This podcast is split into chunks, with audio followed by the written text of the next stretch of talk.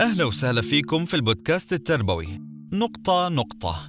هذا البودكاست إعداد إشراف الأستاذ جابر العرق المري. حلقة اليوم هدفها مساعدتك كولي أمر على تعليم ابنك كيفية تحقيق التوازن بين كونه ودودا ومؤدبا مع الأشخاص الجدد وبين كونه آمنا وبعيدا عن الخطر سواء قابل هؤلاء الأشخاص على الواقع أو من خلال الإنترنت. إذا كنت أبا أو أما نشأ في ظل شعار لا تتحدث من الغرباء. قد تواجه مشكلة مع أبنائك الآن في ظل الانفتاح التكنولوجي والتطور السريع الحاصل وربما تتوتر وتقلق وتبدأ بوضع قائمة المحظورات لهم كما تعلمت أنت. وهنا تقع في مأزق كبير وستبدأ بسماع العبارات التالية. ليش أنا غير عن أصحابي؟ أنت ما تحبني. أحس نفسي بسجن بهالبيت كل شيء ممنوع.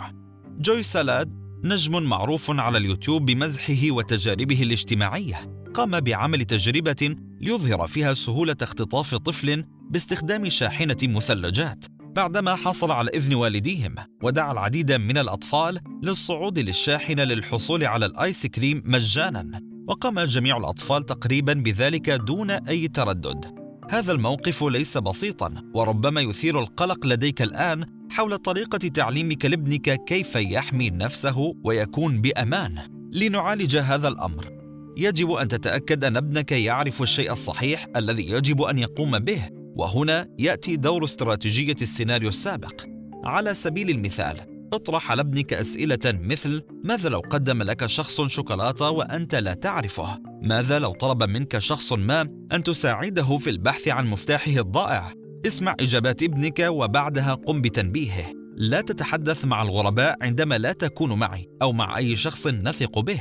وإذا سألك لماذا أرفض الشوكولاتة ممكن يكون إنسان طيب يمكنك حينها التعليق هناك أشخاص طيبون ولكن أيضا هناك أشخاص ليسوا كذلك.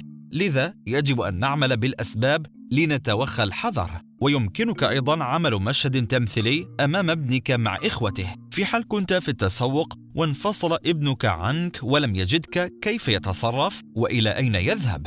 هذا المشهد التمثيلي سيساعده على التصرف بذكاء في حال حصل معه الموقف لا سمح الله.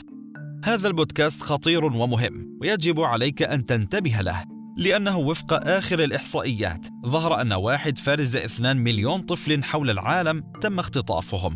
لذلك عليك أن تحقق التوازن بين تعامل ابنك مع الآخرين بلطف وبين تعليمه حماية نفسه لأننا نريد العيش بسلام وأمان لنا ولأبنائنا.